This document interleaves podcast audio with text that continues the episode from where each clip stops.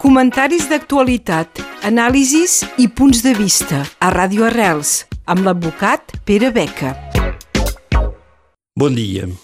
Una setmana més haurà de constar que de des d'un any i un mes, i alguns dies més, els Jordis encara estan a la presó, els ministres, consellers, també encara hi estan, i això sense que ningú, sembla, del món polític europeu s'hagi preocupat d'aquesta situació de manera seguida. Alguns de vegades aixequen el cap i diuen com pot ser, però realment més d'un any de presó preventiva per als fets aquests em sembla impensable i encara més impensable que la Fiscalia espanyola imagini ara de reclamar el futur procés que hi haurà el gener o el febrer, diuen, més de 15 anys de presó per aquests mateixos fets. Molt poca gent se n'entera i molt preocupant és per l'estat de la nostra democràcia. Democràcia què és? El poder del poble, però sobretot la separació de poders. Històricament, a tots els estats, inicialment el rei tenia tots els poders. El legislatiu feia els decrets, l'executiu els executava, o el judicial, que depenia de la mà de justícia del rei, i més, moltes vegades, el poder religiós, que sigui catòlic o musulmà. A poc a poc s'han instaurat democràcies de tipus constitucional, com hauria de ser la d'Espanya, un rei, però que a la veritat serveix molt poc, un poder elegit que fa les lleis, un poder executiu que està escollit pel poder elegit i un poder judicial teòricament independent. Teòricament, perquè això no és. Actualment, a l'estat espanyol, la justícia és una eina política. És una eina política de cara al futur polític. Mireu com som les coses.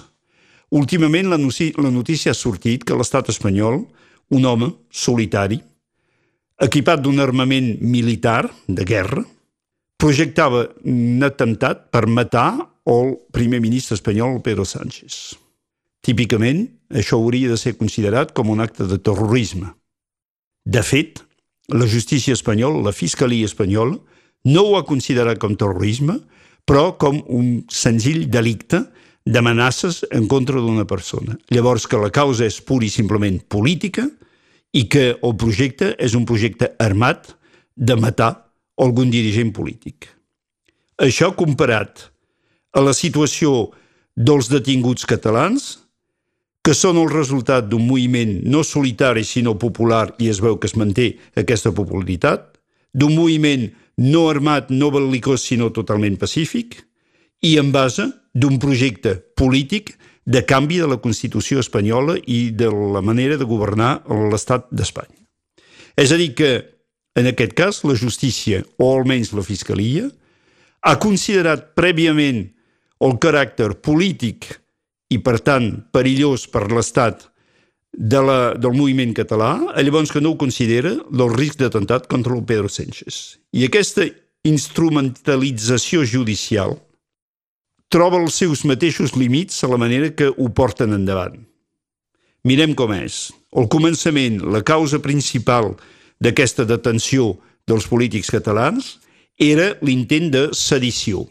Resulta que la Fiscalia ha abandonat aquesta càrrega contra ells. Abandonat per què? Perquè ha vist que la justícia europea tothom ho rebutjava. I que només conserven la rebel·lió i la prevaricació. I la prevaricació és una manera per la justícia també de pressionar els polítics. Mirem això també, que últimament la justícia espanyola ha pronunciat condenació contra l'Artur Mas, antic president, i alguns consellers, a milions i milions d'euros. I aquesta condenació en base de què? D'haver organitzat una consulta, no un referèndum, una consulta, és a dir, una mena de sondeig organitzat públicament, en la qual els ciutadans eren en situació de donar la seva posició, això el 9 de novembre, 9 de novembre del 2014. Vull dir que en aquest cas també s'ha instrumentalitzat el poder judicial. I també aquest poder judicial ha demostrat que estava, almenys per lo que fa de l'estat espanyol, però amb una certa complicitat dels altres estats europeus, en situació de servir d'eina política o, en un altre cas, de servir d'eina econòmica. S'ha sapigut menys, però és un fet important. A l'estat espanyol, el Suprem, és a dir, l'equivalent de la Cort de Cassació francesa, la jurisdicció més important a l'estat espanyol, va prendre una decisió sobre el tema dels crèdits hipotecaris que els bancs havien consentit al moment de la crisi.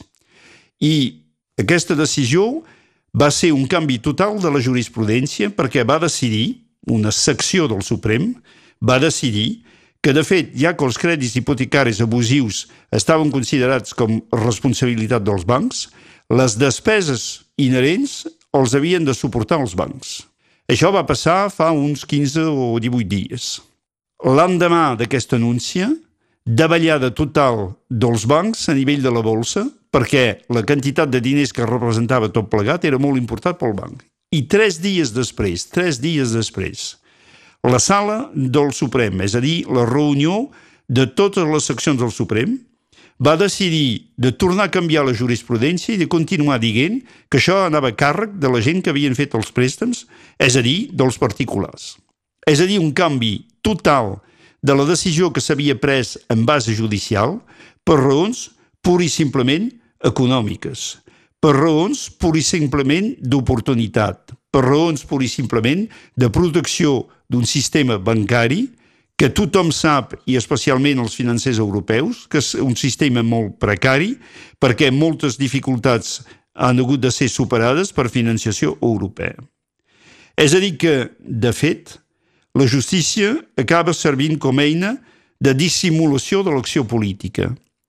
Els polítics espanyols no volen prendre la responsabilitat de decidir de coses clares. Amb el tema dels crèdits hipotecaris sembli que el Partit Socialista Espanyol vulgui, vulgui a través d'un decret regularitzar la cosa, però semblen tenir dificultats a decidir coses clares amb responsabilitat política, el que podria ser el cas de decidir de deixar córrer els plets i les denúncies contra els polítics catalans, que siguin els consellers o que siguin els batlles que estan també impugnats, i que per dissimular aquesta responsabilitat política fan com si la justícia sigués totalment independent, llavors que no hi és, no és independent en cap manera.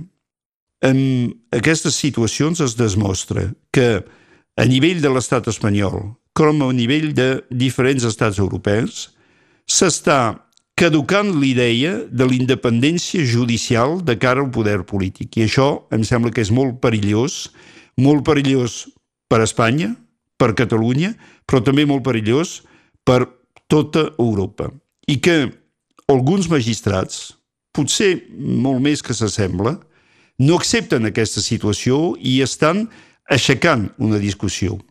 Però que això tardarà bastant i que crec que és a nivell polític, és a dir, a nivell de la gent, a nivell de tots nosaltres, que l'actuació hauria de ser perquè es clarifiqués la situació de justícia a l'estat espanyol i a tota Europa. Moltes gràcies. Comentaris d'actualitat, anàlisis i punts de vista a Ràdio Arrels amb l'advocat Pere Beca.